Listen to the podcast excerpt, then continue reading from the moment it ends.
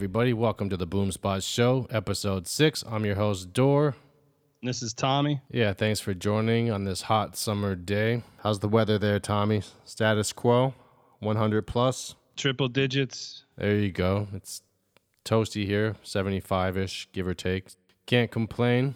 Bet you're looking forward to the fall when it cools off a little bit. Well, it's 111 degrees right now. It's going to start to cool down. Tomorrow is going to be 114 degrees. Oh, wow. Okay.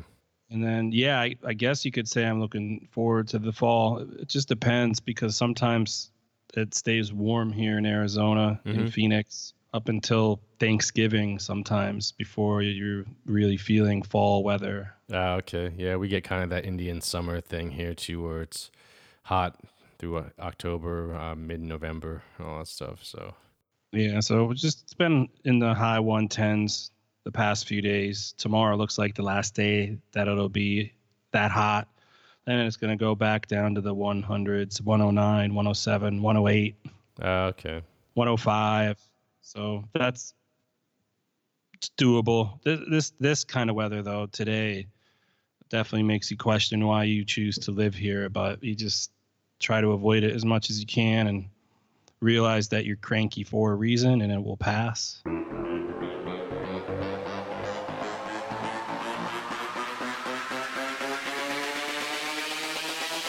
So, did you see that news about Area 51? Apparently, on Facebook, there's been a call to storm Area 51, and uh, I guess they got a response, which is semi tongue in cheek, of over a million people RSVPing for September. I guess the plan is to just show up at the gates and storm the gates of Area 51 to get in to see the aliens. Uh, people, I guess, are thinking that they can't shoot everybody and they're going to get in there and finally solve the mystery. Strength in numbers. Yeah, exactly. Are you gonna make the trip out there? I'll probably wait till after they storm and then show up a week later to Yeah, that's good. I'll probably wait until the first hundred to two hundred thousand people storm and they run out of ammunition. Yeah, see, I'm just thinking about provisions and lodging and traffic and I mean, finding out if there's aliens or not is definitely up there on my list, but I also hate crowds, so Yeah, I guess you don't have to be there to you know appreciate the results if they do find them. Probably better to watch from afar, like a hooligan soccer match where you could just watch it on TV. You don't have to be in the crowd and risk the bleachers imploding on you. yeah, absolutely. I, I agree 100%. That's the way to do it. So you think it's really going to happen? I doubt it. I mean, they have that thing locked down so hard. I, I can't imagine. We'll see. Apparently, it should be happening in September if it does happen. Who started it? Not on Facebook, but I saw online conceived as a joke on social media. Its popularity has spread fast. On Monday, today, the number of people who signed up for the tongue in cheek Facebook call to storm Area 51 exceeded 1 million. And now the U.S. military officials say they're monitoring the situation. So they're preparing. Uh, let's see. They're aware of it, and I guess they're ready to act if people try to do it. Any attempt to illegally access the area is highly discouraged.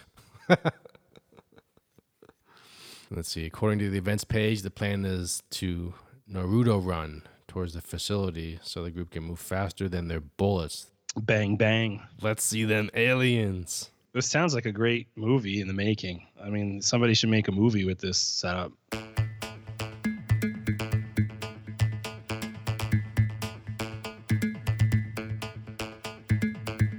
Hey, Tommy, so what are you streaming and binge watching these days in this heat? Well, I have two picks for this week. I'm going to try to keep it to two every week.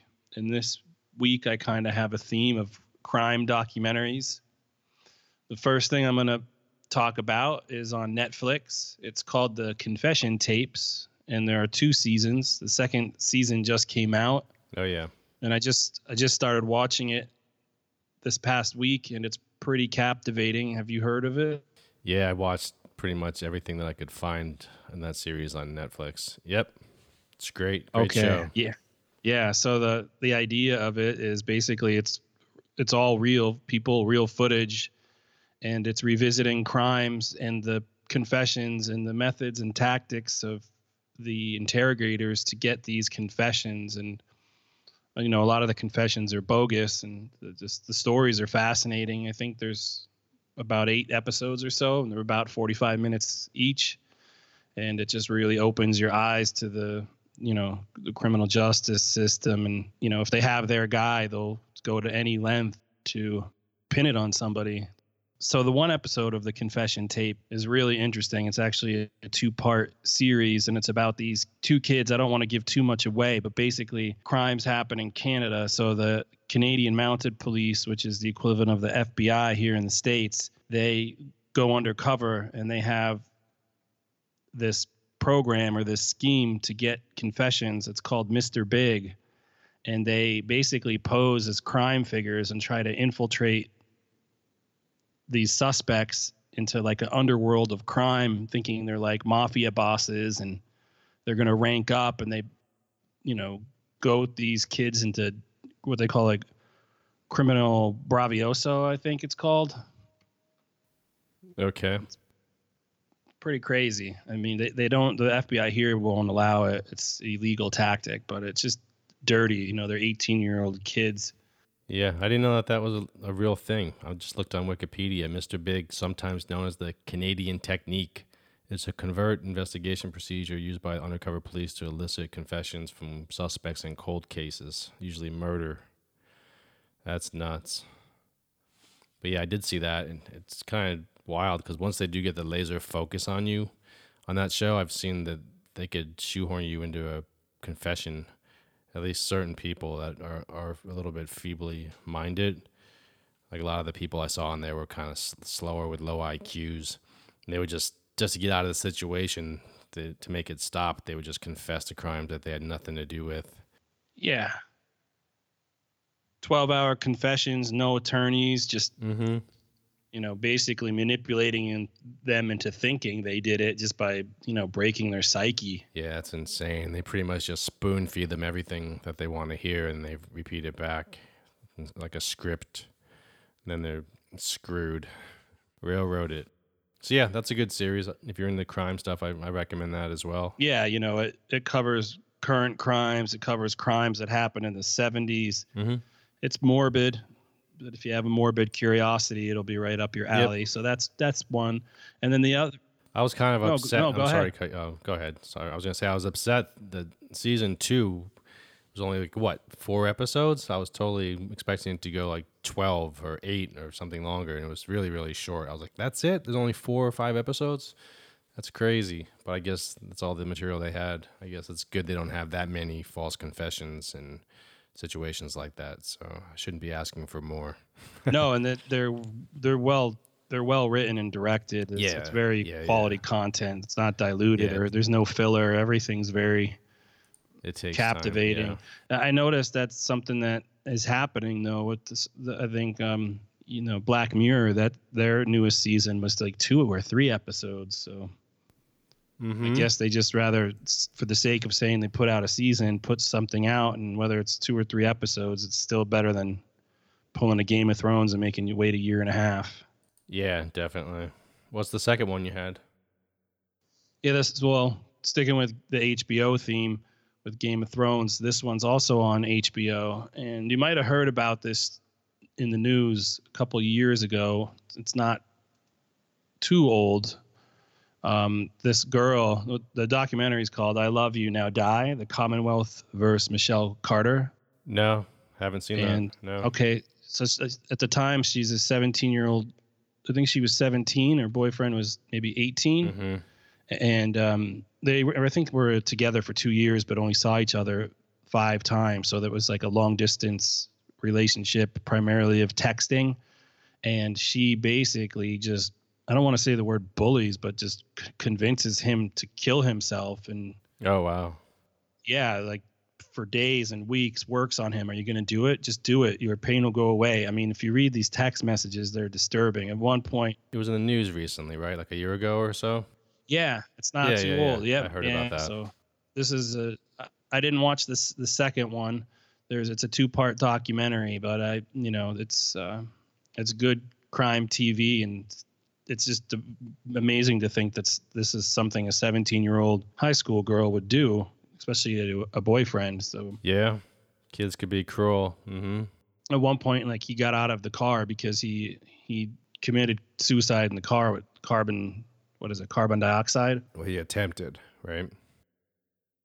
Yeah, well, that's how he did it. But at one point in the middle of his attempt, he got out of the car and said he didn't want to do it. And she like text talked him back and getting back into his car and doing it and staying on the phone with him until he was dead. Wow, that, that's morbid. Yeah, so I guess the my theme this week for things to stream is morbid crime documentary stuff. piggyback on that if you have if you're finished with that one. I am, I am. Have you seen the show Cold Justice? That's a great one. No, what's that? Let me look it up. It's awesome. It's on Netflix. It's basically a former prosecutor and some investigators, and what they do is they go around the country and they look into old crimes that were never solved. Obviously, cold cold crimes. So there's I think there's three seasons, two or three seasons, but it's amazing because they actually show them going to like suspects. In one instance, they went to a suspect that was last interviewed like 30 years ago in a murder, and they go back to his house and they're like showing up out of nowhere on the guy's stoop, and they have the cameras rolling and they're asking him all this shit, and they get people to talk. It's really cool. I mean, the one the one interview, I guess I'll give a little bit of a spoiler, but Yeah, do it. I guess this guy was accused of murdering his wife, but it went cold because they had no leads, and they actually went in t- and pulled an interview way back in the days where the daughter of the accused murderer was like two or three, and they found a tape where the little girl was saying how daddy hit mommy and wrapped her up in a rug or something like that to that effect. And I guess they never even found that interview or that tape, Wow. and they dug that up and they actually played it back and 30 years later the actual daughter had no idea and she was still living with the with the father or whatever and he ended up going to jail for life so that's the spoiler but yeah it's a pretty awesome show And this is real deal. This isn't like a drama.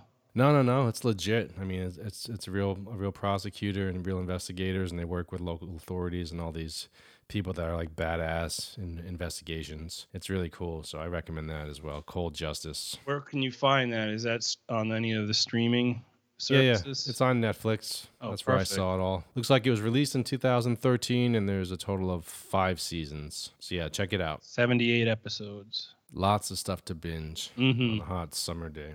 7.9 on IMDb. Yeah. Can't beat that.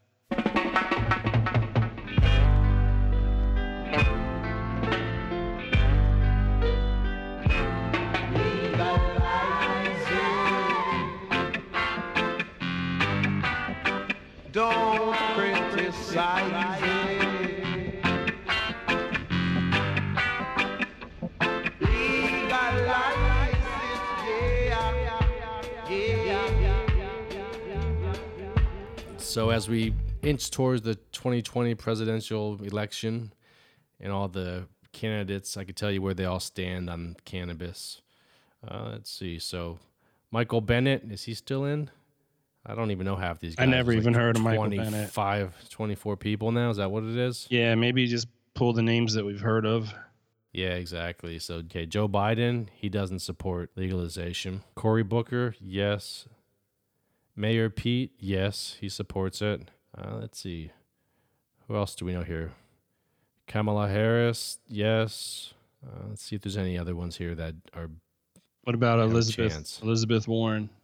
Warren, yes. Um, Bernie? Andrew Yang, yes. Uh, Sanders, he's a yes as well.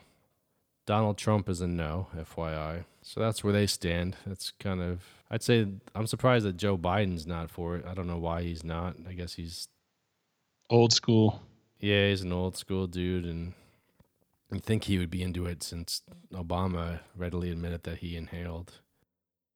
So out here in California, we had some news where Jay Z randomly called up a cannabis company and just said he wanted to partner with them. I guess they're one of the bigger ones out here, which I never heard of. A company called Caliva basically called him up and he said he wanted to partner with them. He liked what they're doing. Uh, they're entering a multi-year deal with the San Jose-based company Caliva.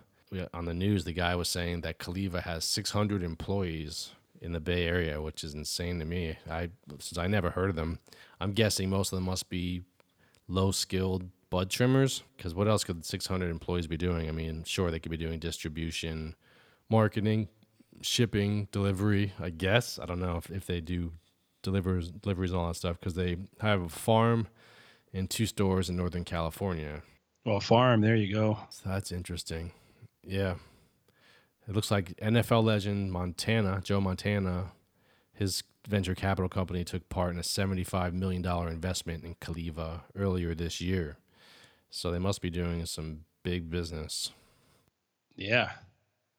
I don't know if you've ever trimmed bud, but if when you do it, it's dirty and labor intensive work because when you're doing it, it all sticks to your hands and it, it gets really nasty and dirty. And I only trimmed maybe four or five plants. I couldn't imagine doing a farm's worth. That's a lot of work. Yeah, a lot of people love to do that. Yeah, I mean, I guess you can get into it if you like the smell and all that stuff. But if you're just trying to do it to get your bud, it's a pain in the nuts. I was From my I was watching a documentary. I can't remember the name of it, but like girls would go and trade service for like free weed and stuff. Yeah, I know in Humboldt County up north in California, people go up there and they basically trim and they get paid in bud. They can get like an ounce of bud for every whatever couple pounds I think it is that they trim or else they'll get paid in cash. But before weed was legal, just getting paid in bud was probably pretty lucrative. Nowadays it's you can't really make a huge profit on weed in California if you're small, nickel and diming because it's everywhere, you know the demand is kind of eclipsed by the supply, I would say, at this point. Like if you had a pound of weed and you were trying to make a profit, it'd be pretty hard, I would think, in the Bay Area, unless you're getting it really dirt cheap. But I'm not a, a economist when it comes to weed, so that's just a hunch. Uh, a California appeals court says it's legal to have small amounts of marijuana in prison as long as the inmates don't inhale. That's interesting. So they don't have, if they don't inhale, if they do it Bill Clinton style, they should be good to go. I guess that means edibles they're allowed to have. Yeah, I think so. So, a third district court of appeal ruled that California voters legalized possession of less than an ounce of cannabis by adults 21 and over in 2016, with no exception, even for those behind bars. So, they could have less than an ounce behind bars. That's pretty awesome. But it says the court says state law does prohibit smoking cannabis in prison. Prison officials can also punish possession as a rule of a rules violation. According to the plain language of Prop 64, possession of less than an ounce of cannabis in prison is no longer a felony. Smoking or ingesting cannabis in prison remains a felony. So you could possess it, but you can't enjoy it. Oh yeah, I think we talked about this. Uh, Yeah, very first. I don't, I don't know if we had all the information on that. So again, you can't even eat edibles. Then you just have it, but you can't eat it. Yeah, I guess you could just keister it, but you can't ingest it. Yeah, keister it. Let's see. The court overturned the Sacramento County convictions of five inmates who had been found with marijuana in their prison cells. That's pretty wild. So you could have it as long as they don't catch you smoking it, you're good to go, or eating it, you're good to go. Not fair, really, but I guess you're in jail, so Yeah, I guess you don't make the rules when you're in jail. Apparently, racial arrest disparity got worse after legalization, according to a recent study. Legalization has dramatically reduced the number of marijuana arrests in Washington and Colorado and other adult use states. But as the overall number of arrests plummeted, the racial disparities within those numbers remain stubbornly intact. In fact, the disparity has gotten worse. So I guess they found that cannabis arrests post legalization were five times higher for African Americans than whites in Washington. Prior to legalization, black people were getting arrested for cannabis at a rate of 2.5 times that of whites. So it doubled since they legalized it. wonder wonder why. That's good question. I guess might have something to do with more people outside smoking pot, or it could be just the corrupt system, the racist system. I don't know. Yeah, I know out here since they legalized pot, I can't go anywhere without smelling it. I mean, outside my door, it's as if someone's on the balcony 24 7 smoking pot. Seriously. And like, I look around to see if I could see who it is, and I can't tell. You never know who it is out here. I mean, I went to a, a cannabis place across the street from us, and I saw my next door neighbor a couple houses down. So, not my next door neighbor, but a couple houses down you would look like a total geek. You would never think he was a, a pothead, but again, you can't really stereotype these days. Looks like Oregon's legislator made history this week by passing the nation's first cannabis export bill, a measure designed to allow Oregon to send cannabis products across state lines. Senate Bill 582 now goes to the governor's office, where Governor Kate Brown is expected to sign it into law. The measure would authorize Oregon's governor to enter into agreements with other states for the purpose of exporting and importing cannabis. Such transactions would need to meet the certain restrictions. For example, the receiving state would need to border Oregon, and the cannabis would have to meet the legal and quantity standards of the receiving state. So you could trade with your neighbors if they're cool with it. Exactly. So apparently the FDA had a hearing on CBD and there's five takeaways from that hearing. What are I'm those? just gonna I'm just gonna run down quick.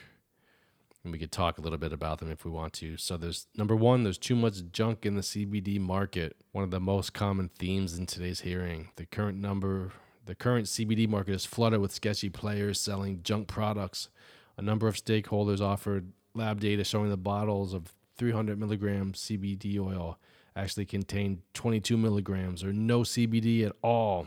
This is the wild west of the CBD sales. So that's no surprise.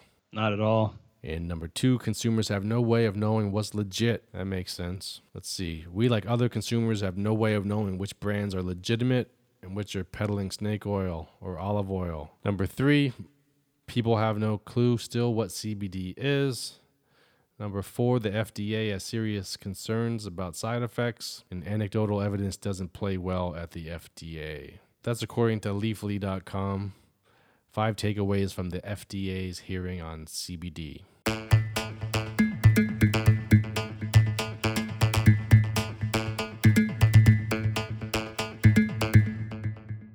So I'm sure you've seen the tweets in the news where Trump told four non-white Democratic congresswomen they should go back to the crime-infested places where they came from, even though three of the four were born in the U.S. and the fourth is a naturalized citizen. You saw that? Yeah, man. Just when you think he can't top his last tweet, he does it. He's out of control, man. I saw the, the news conference today where he was going off on that again. He, he was accusing um, Omar of being an anti Semite, saying how she hates Jews, all this kinds of crazy stuff. He was going off, breaking out the shithole countries and all that stuff. I'm sure. I don't know if he said that again, but it, he's like piggybacking on what he said in the, in the past about that. Yeah, I guess there's something out there about Omar being pro Al Qaeda. I don't. I'd have to do my homework on that, but apparently they're attaching to that rhetoric. Yeah, he mentioned that at least five or six times in the 10 minute video that I saw today, his, his press conference. He kept saying how she loves Al Qaeda and hates America. Now it's turning into the white nationalists, the white supremacists versus the go back to your country socialist communists. Yeah, exactly. I think he's just trying to rally up his base to get them pumped up, and that's the stuff that does it. You know, the mobilized, you know, to support his campaign in 2020. That's all it takes is a little bit of insanity, and, and it gets them going. No yeah, he's not afraid it. to speak his mind, and he, you know, I know he he just goes after what his party wants to hear, and instead of trying to appeal to everybody and unite everybody, I think he rather just feed into the base that he promotes, and then you know continue the divisive rhetoric. If you are not happy here, you can leave here. He was shouting, calling them radical Democrats.